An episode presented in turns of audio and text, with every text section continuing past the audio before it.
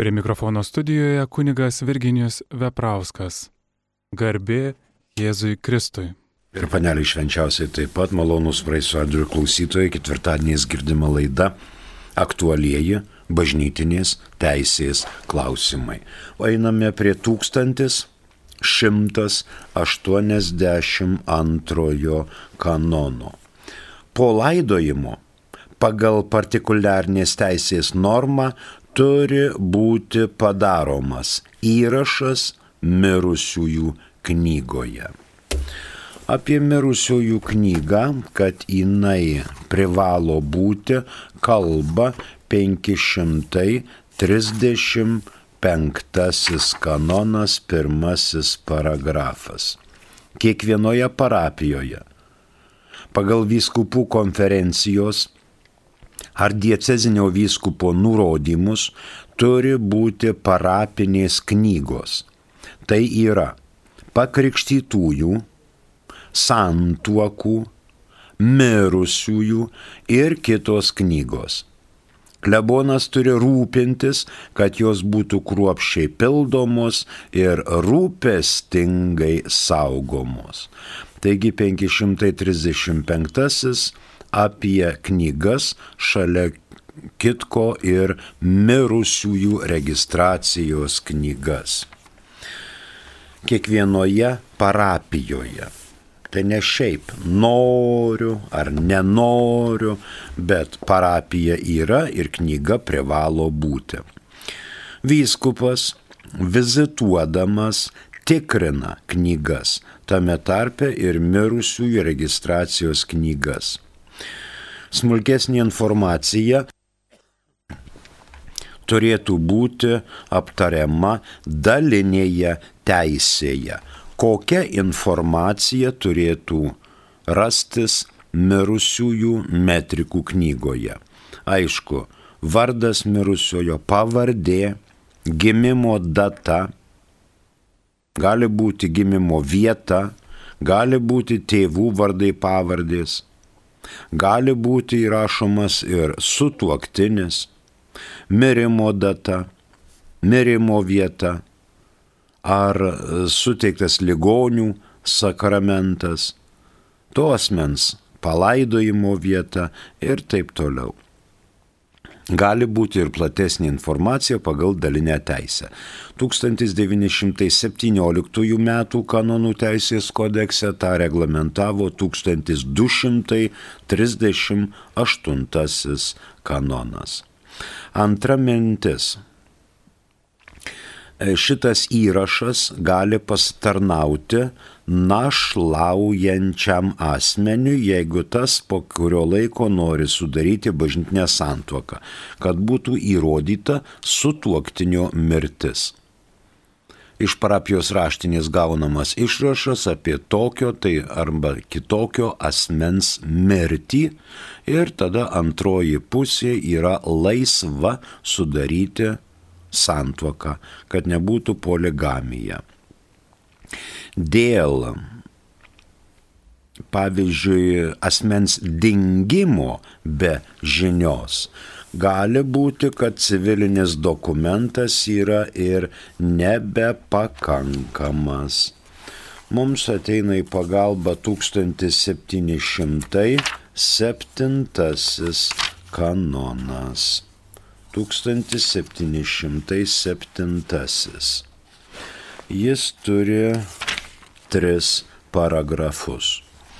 Kiekvieną kartą, kai sutoktinio mirties neįmanoma įrodyti autentišku bažnytiniu ar civiliniu dokumentu, kitas sutuoktinis neturi būti laikomas laisvu nuo santuokinio ryšio nebent po to, kai buvo paskelbtas diecezinio vyskupo pareiškimas dėl numanomos mirties. Tokį pareiškimą, apie kurį čia pirmam kanone aprašo, diecezinis vyskupas gali paskelbti tik tuo met, jei atlinkus atitinkamus tyrimus ir liudininkų parodymus, kalbų arba požymių įgyjo moralinį tikrumą dėl sutuoktinio mirties. Vien tik sutuoktinio nebuvimo, net ir ilgalaikio, nepakanka. Trečiasis paragrafas. Neaiškiais ar sudėtingais atvejais vyskupas turi atsiklausti apaštalų sosto. Matome, kad kartais ne tik autentiško bažnytinio ar civilinio dokumento nepakanka. Vyskupas turi dar paskelbti. Pavyzdžiui, žmogus dingo be žinios. Civilinis dokumentas teigia, kad žmogus dingo be žinios. O po penkių metų jis gali ir atsirasti. Taigi vyskupo pareiga yra imti ir paskelbti, o prieš paskelbdamas jisai dar turi padėti pastangų, kad atsirastų liudininkai, liudytojai ir kiti dalykai. Tik tada, kai vyskupas paskelbia, galima laikyti, kad ši šalis yra mirusi. Tarkim, dingusi be žinios. Jeigu mirė, yra palaikai, yra mirties liūdimas tvarkoj, bet daugybė žmonių dinksta. Dingo be žinios. Tai ir karo veiksmai, ir legalūs, ir nelegalūs pabėgėliai, ir visokie kitokie miesto pavojai. Ačiū. E, dabar mus pasiekė žinutė SMS. Prašom. Garbėjai Zikristui. Amžius amen. Ar melžiantis būtina maldos žodžius tarti balsu, garsiai arba pašnipždomis? Praktikuoju melstis mintimis, ar nenusideda aukščiausiam, ar mano malda visa vertė. Ačiū, Lina. Lina, jeigu jūs viena melžiaties, nėra būtina balsu, bet lūpos turi judėti, jeigu melžiaties bažnyčios patvirtinta malda. Pavyzdžiui, Tėve mūsų sveika Marija. Galima melstis ir savomis maldomis, bet matot, savos maldos, kuriomis melžiamės, nėra patvirtintos bažnyčios ir neturi didelės vertės. Kai miršta mūsų artimas žmogus. Mes, aišku, melžiamės, bet mes kartais melžiamės ir e, varydami Dievą į kampą. Dieve, Dieve, kam tu leidai, kad mano tėvelis numirtų, kad mano mamytė numirtų, kaip žuvytėlė be vandenėlio, tai aš be savo tėvelio, le, le, le, le, va tokios raudos visos. Ar jos neša kiek malonės, nežinau. Bet bažnyčios nustatytomis maldomis mes galime melstis ir mintimis, ir šnapždėti lūpomis, ir balsu. Jeigu keletas žmonių meldžiasi, tarkim, litaniją arba rožančių, tai vienas veda, o kiti atsako galima melstis, nepapiktini šitokiu būdu kūrėjo. Tačiau reikia žiūrėti aplinkybėmis. Ar aš važiuoju autobusu ir meldžiuosi, jeigu pradėsiu melstis, gali pradėti aplinkiniai žiūrėti, kas čia dedasi ir kodėl čia tas dedasi, kas čia ką daro. Mes mintimis pasimam į ranką rožančių ir kalbame rožančiaus maldą. Nebūtinai garsiai, kad netrukdytumėm kitiem skaityti ten drąsiųjų kelių ar artumo žurnalo ar kitų e, leidinių. Tai nieko nuostabaus. O jeigu bažnyčioje melžiamės, tai bažnyčioje galime melstis viešą bažnyčios pripažintą maldą. Kryžiaus keliai, rožančius, litanijos, Jėzaus širdies litanija, kryžiaus kraujo litanija, Marijos litanija arba na, poterius kalbėti, pavyzdžiui, kai kunigai egzekvijas gėda per vėlinės ir taip toliau. Tai yra galima ir reikia. Ačiū Lina už klausimą. Dabar dar vienas klausimas mums atėjo. Prašom paskaitykite. Jeigu Dievas pasakė, jūs laisvi žmonės laisvoje valioje, turit laisvą sąmonę ir sąžinę, tai jeigu aš vykdysiu jo valią ir jis mane ves, tai būsiu vergas bevalis ar asmuo be sąmonės, kaip visiškas liliukas. Čia aišku, sofistika, į tuos dalykus mes ne, nekreipsime didelio dėmesio, bet atsakysiu šitaip. Žmogų Dievas sukuria visiškai laisvą, nes apdovanoja žmogų pilną laisvę. Ir į šitą laisvę Dievas nesikiša. Dabar kokiu būdu tada jūs gali Dievas vesti, jeigu jūs galvojate, kad jis neveda jūsų? Mes turime Senąjį testamentą, Dievo laišką žmogui. Mes turim Naująjį testamentą, Dievo laišką žmogui. Mes turim įkurtą bažnyčią, kurios regimoji galba šiuo metu yra popiežius Pranciškus. Ir jis veda visą žmoniją teisingų kelių, kadangi yra tam tikras magisteriumas, bažnyčios mokymas, bažnyčios katekizmas, kur mes randame Dievo valią. Mes esam laisvi žmonės, laisvoje valioje ir turime laisvą sąmonę ir sąžinę.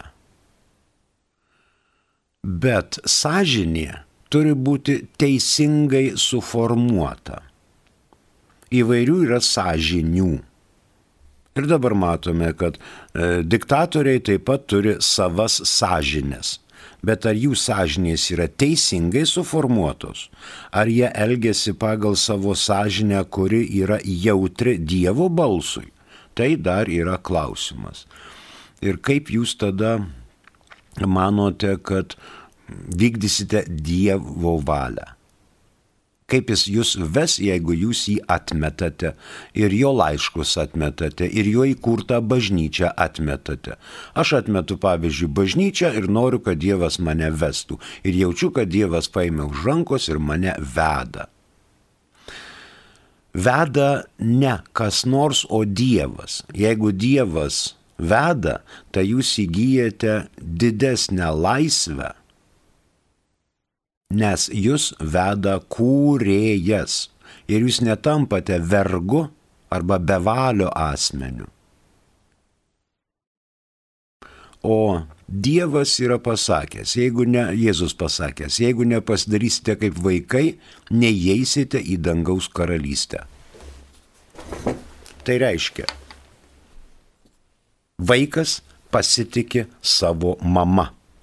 Jeigu mes kūdikiškai pasitikime Dievu, žinome, kad nebūsime sugėdyti, net jeigu ir keliausime slėniu tamsiausiu. Lempos atsirado prieš kiek, prieš gerą šimtą metų. Dabar mes čia apsišvietę miestus, automobiliai ir taip toliau. O tada nebuvo, tada laužai, žvakės, fakelai. Tai tamsių slėnių einant, aišku, yra baugu. Bet jeigu mes pasitikim visiškai Dievu, kaip kūdikiai, kaip vaikai pasitikim motiną, tada jaučiame, kad būsim nepražuvę, o išgelbėti. Tai dabar našlaujančiųjų įrodymų ir dingimų be žinios. Civilinis dokumentas nebepakankamas. Trečia mintis prie 1182. 1917 m. kanonų teisės kodekse 1238 įrašą turėjo padaryti laidojantis dvasininkas. Laidojantis. Ne klebonas, ne vikaras, ne altarista ir ne vyskupas, bet tada buvo toje teisėje laidojantis dvasininkas. O mūsų girdėtas 535 kad šis rūpestis dabartinėje teisėje yra pavedamas klebono valiai. Paprastai įrašas toje parapijoje daromas, kur yra kapinės, kuriuose laidojamas asmuo. Paprastai. Nes dažnai miestuose, pavyzdžiui, parapija neturi savo kapinių didesnių miestų, ten centrinės parapijos neturi savų kapinių, veža į užmiestį arba į šalutinės parapijas, kurios administruoja. Tai yra paprastai. Bet dalinė teisė gali nusakyti, kad įsirašykite kapines toje teritorijoje, kurioje jūs ir laidojate. Ten, kur laidojate. Pavyzdžiui, Vilnius ar palaiminto Matulaičio parapija turi kapines. Abejoju. Tada veža į kitas kapines ir turėtų rašyti kitos parapijos kapinių mirusiųjų metrikuose, bet rašo į palaiminto Matulaičio metrikus arba žvėrynas į tuos metrikus rašo ir viskas ten tvarkoj. Svarbu, kad būtų įrašytas mirusysis parapijos mirimų knygoje. Ketvirtoji mintis. 1947 jau leidžiama mirties įrašą daryti ten, toje parapijoje, kur asmuo numirė. Tarkim, Kauno klinikose, Santaros klinikose, toje parapijoje, kur numirė dabartinėmis sąlygomis tai sunkiai įsivaizduojama. Todėl dabar daromas įrašas ten, kur kunigas laidoja. Ir ketvirtoji mintis. Jei katalikų kapinėse, parapijos turimuose kapinėse laidojami ne katalikai, arba laidojamas katalikas, kuriam yra atsakytos katalikiškos laidotuvės, tada tokios mirtys neįrašomos į parapijos knygas. Tik tai įrašomas, įrašas daromas bendrose kapinių dokumentuose. Aš nežinau, ar mes turime katalikiškas kapines Lietuvoje. Atskiri vienuolinai taip turi. Ten bendrose kapinėse atskirtą dalį, kur laidojami vienuoliai arba vienuolės. Pavyzdžiui, Kaune, Petrašiūnuose. Ten yra ir jėzuitų kapinės, ir vienoje, ir kitoje vietoje, va tenais. O visur kitur tai jau ne katalikiškos. Jeigu Petrašiūnai būtų katalikiškos kapinės, ten aišku laidotų, reiškia, ir nekrikštytus, ir visokius mm, kitų konfesijų žmonės, tai nėra pareigos Petrašiūnų klebonui įrašyti į mirusiųjų laidojimo knygas tų asmenų vardų, pavardžių ir smulkesnės metrikos.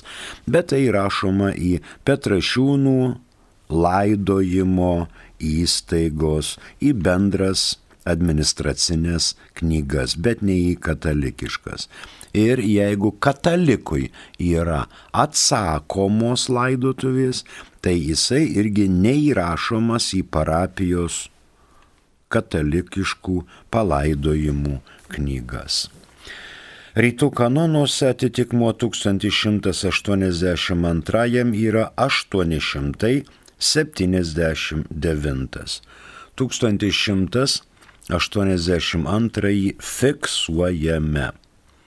Po laidojimo pagal partikuliarnės teisės normą turi būti padaromas įrašas mirusiųjų knygoje.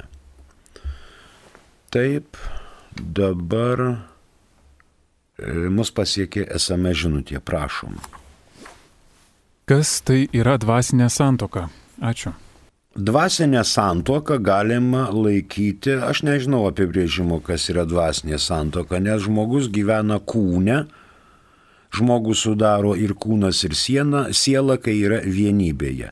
O dabar dvasinė santvoka galima laikyti netgi ir įžadus, kai vienuolis arba vienuolė daro įžadus Dievui. Tai jisai vienuolis arba vienuolė tarsi susižieduoja su dangiškoju Kristumi, su sužadėtiniu ir mūvi santuokinį žiedą įžadų žiedą, kuris rodo, kad šito asmens eschatologinė prigimtis ir santuokinė prigimtis yra ant gamtybė, o ne žemėje. Amžinųjų įžadų vienuolė nešioja žiedą. Tai yra ženklas, kad kitas jau bernužėlis nesisuktų aplink ją, nes ji yra susižadėjusi arba ji yra ištekėjusi už savo dangiškojo sužadėtinio. Tai turėtų būti ir vadinama, taip vadinama, dvasinė santuoka. O ką jūs dar turite omenyje, tai visiškai kitas dalykas ir šito reikėtų pasmulkinti ir smulkiau ištarti. Tada galbūt ką nors ir sumastysime. Kita mintis, ačiū už klausimus, dabar yra skirsnis. Tie, kuriems turi būti suteiktos ar atsakytos bažnytinės laidotuvės.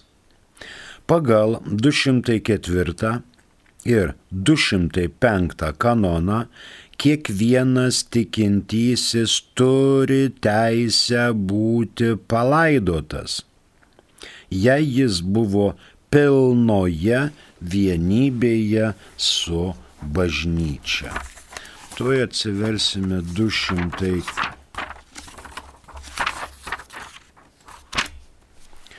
Du šimtai ketvirtą, du šimtai penktą kanoną. 204.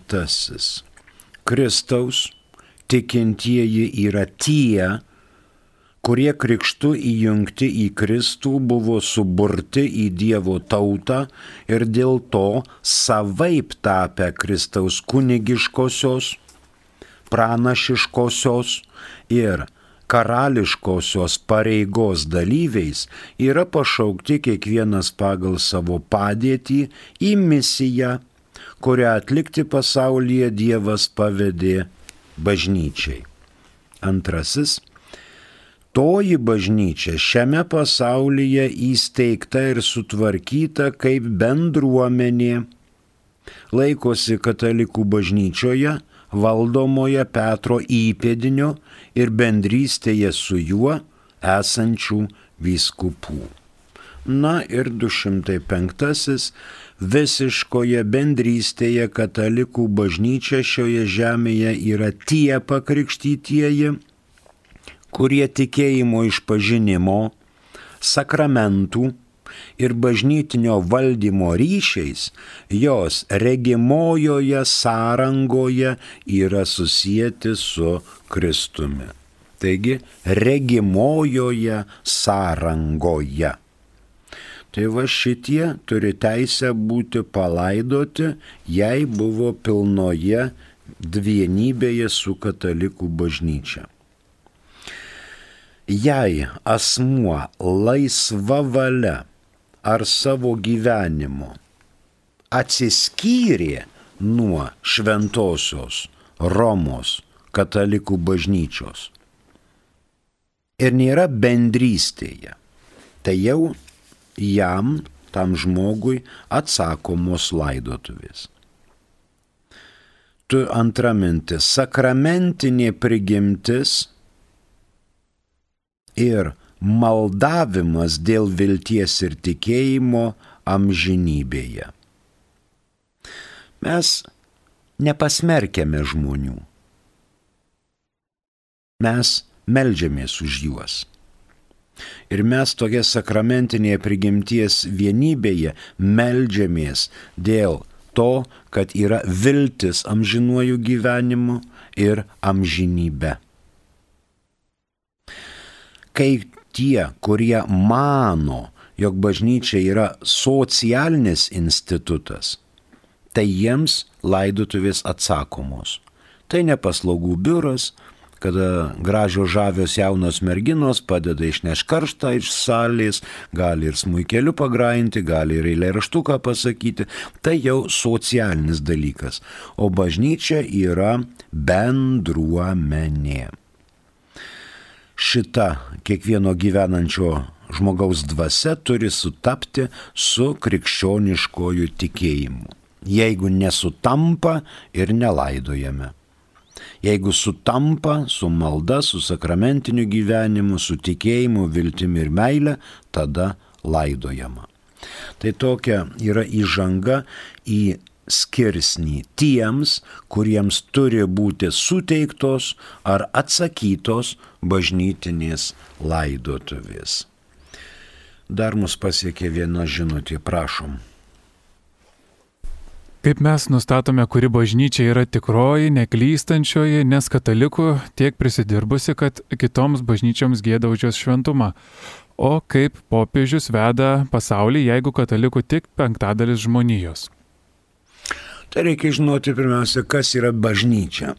bažnyčia yra bendruomenė gali dabar jūsų mintimis sekant tik penktadalis, gali būti tik tai trečdalis, bet tai nieko nekeičia. Žodžiu, žmonės atsisako eiti bažnyčios keliu. O bažnyčia yra viena, šventa, katalikiška ir apaštališka mums iš Opus Dei rekolekcijas vedė dar praeito amžiaus pabaigoje atvažiavę, galvodami, kad mes nesiorientuojame, kas tai yra bažnyčia. Ir chieza, katolika, et apostolika. Ir mums kaip mokinukams, kaip darželio vaikams, kunigėliams jau buvo aiškinama, kad vis tik tai katalikų bažnyčia yra viena šventa, katalikiška ir apaštališka. Vienas Dievas, viena bažnyčia. Šventa bažnyčia, nes įkūrėjas yra šventas, tai yra Jėzus Kristus. Ir mes esame iš apaštalų laikų perėmę sukcesiją. Apaštališka.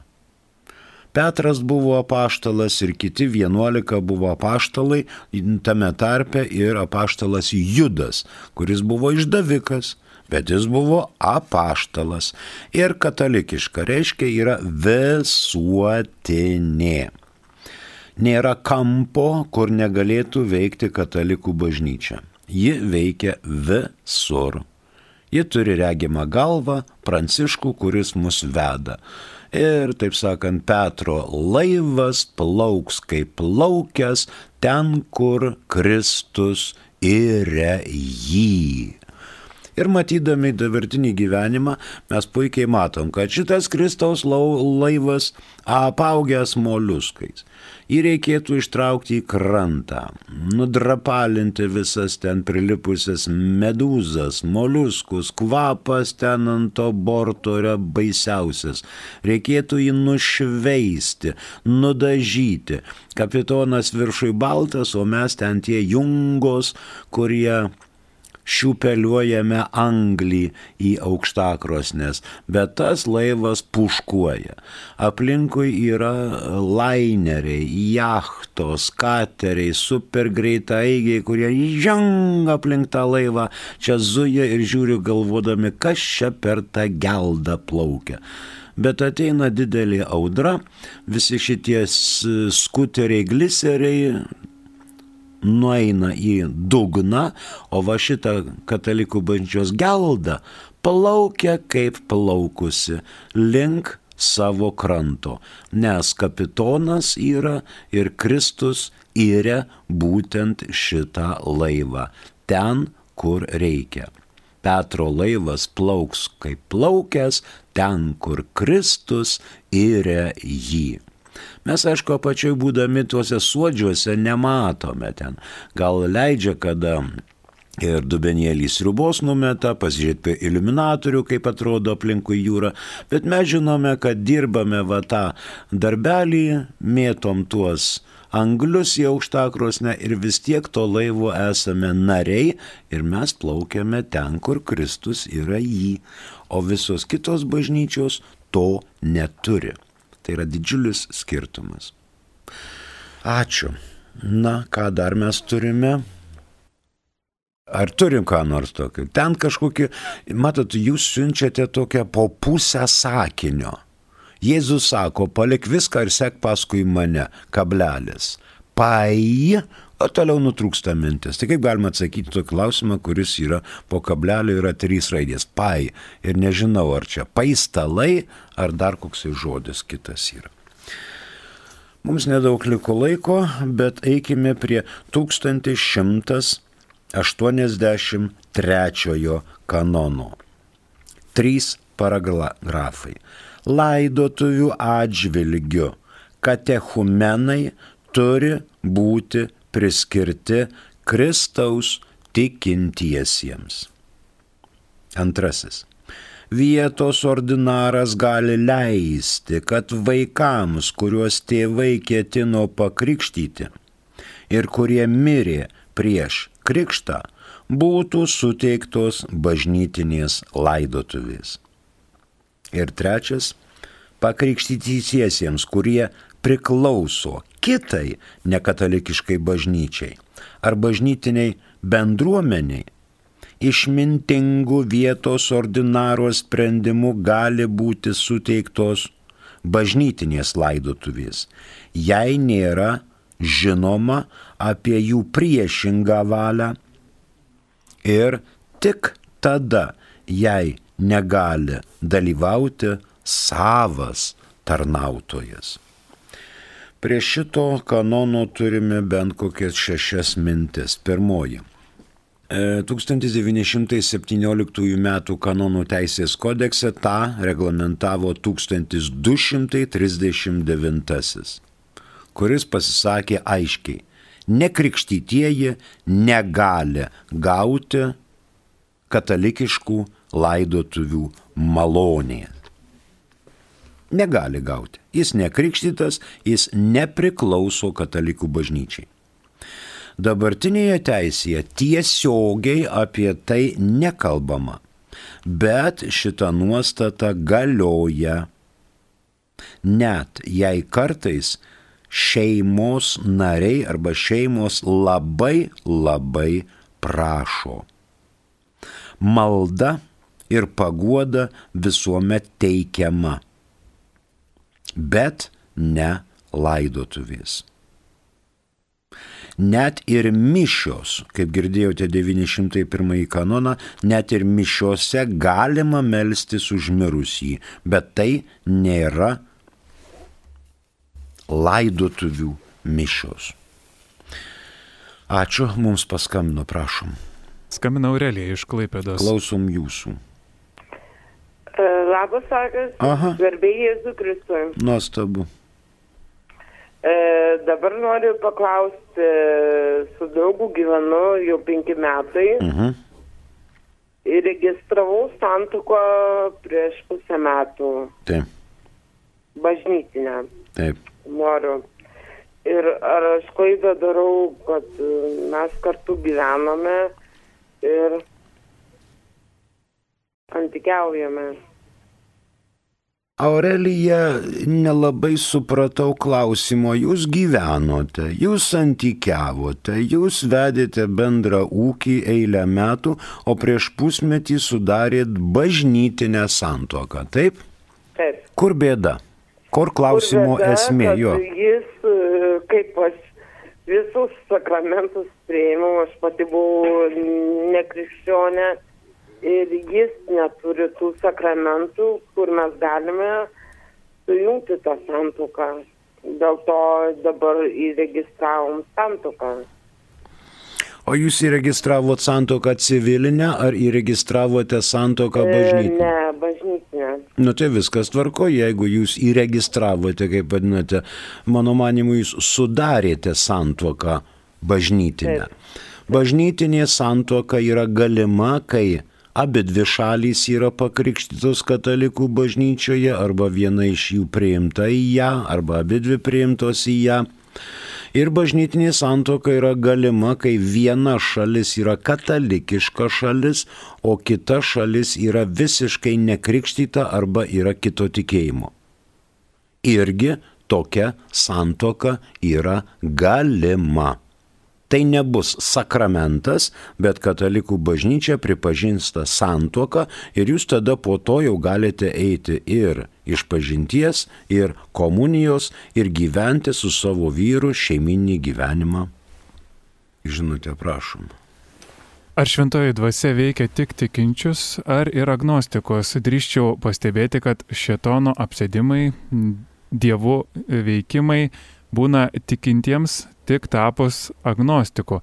Tos anapusinės metafizinės būtybės nebetenka galios. Šitas klausimas jau gerbėmieji dubliuojasi, jau iš šitą yra atsakyta. Atsakysiu dar papildomai, kad o kam agnostikus reikia apsėsti, kadangi jau ir taip jie yra nusisukę nuo vienos šventos, apaštališkos ir katalikiškos bažnyčios velnės, piktoji dvasia, demonas arba šėtonas visuomet puola tikinčių žmonės, norėdamas juos atmušti nuo tikrojo tikėjimo.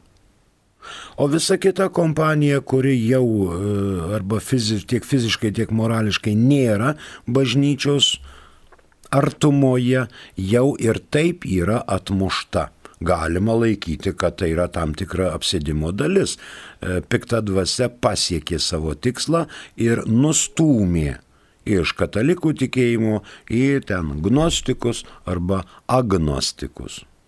Nustūmė. O kam juos apsėsti? Jei taip yra jau ne bažnyčios įtakoje. Jie apsisprendė arba jiem padėjo apsispręsti ir vesti šitą gyvenimo būdą, kuris yra šalia bažnyčios. Bet visuomet yra galimybė grįžti į katalikų bažnyčią, daryti atgailą, pasiskaityti katekizmą, nueiti pas kunigą ir pasišnekėti apie, apie tuos dalykus, daryti atgailą ir grįžti. Kiek mums dar liko laiko? Jau neliko laiko. Ačiū, brangieji, už klausimus, mėla su jumis paplepėti. Kitoje laidoje mes tęsime apie tuos, kuriems turi būti suteiktos ar atsakytos bažnytinės laidotuvės. Prie mikrofono dirbo kunigas Virginijus Veprauskas, ačiū ir sudė.